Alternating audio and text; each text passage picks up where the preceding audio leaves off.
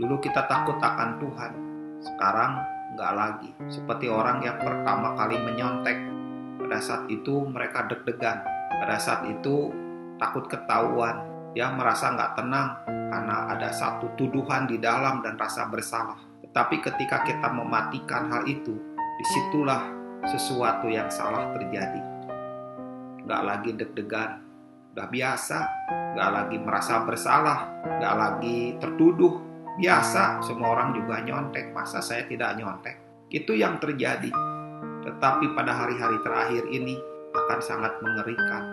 Kalau hati yang takut akan Tuhan hati yang haus akan Tuhan hati yang merindukan Tuhan hati yang hidup dalam kebenaran itu hilang. Kenapa kalau itu hilang? Kita bukannya naik tetapi kita terjerumus kita akan meluncur.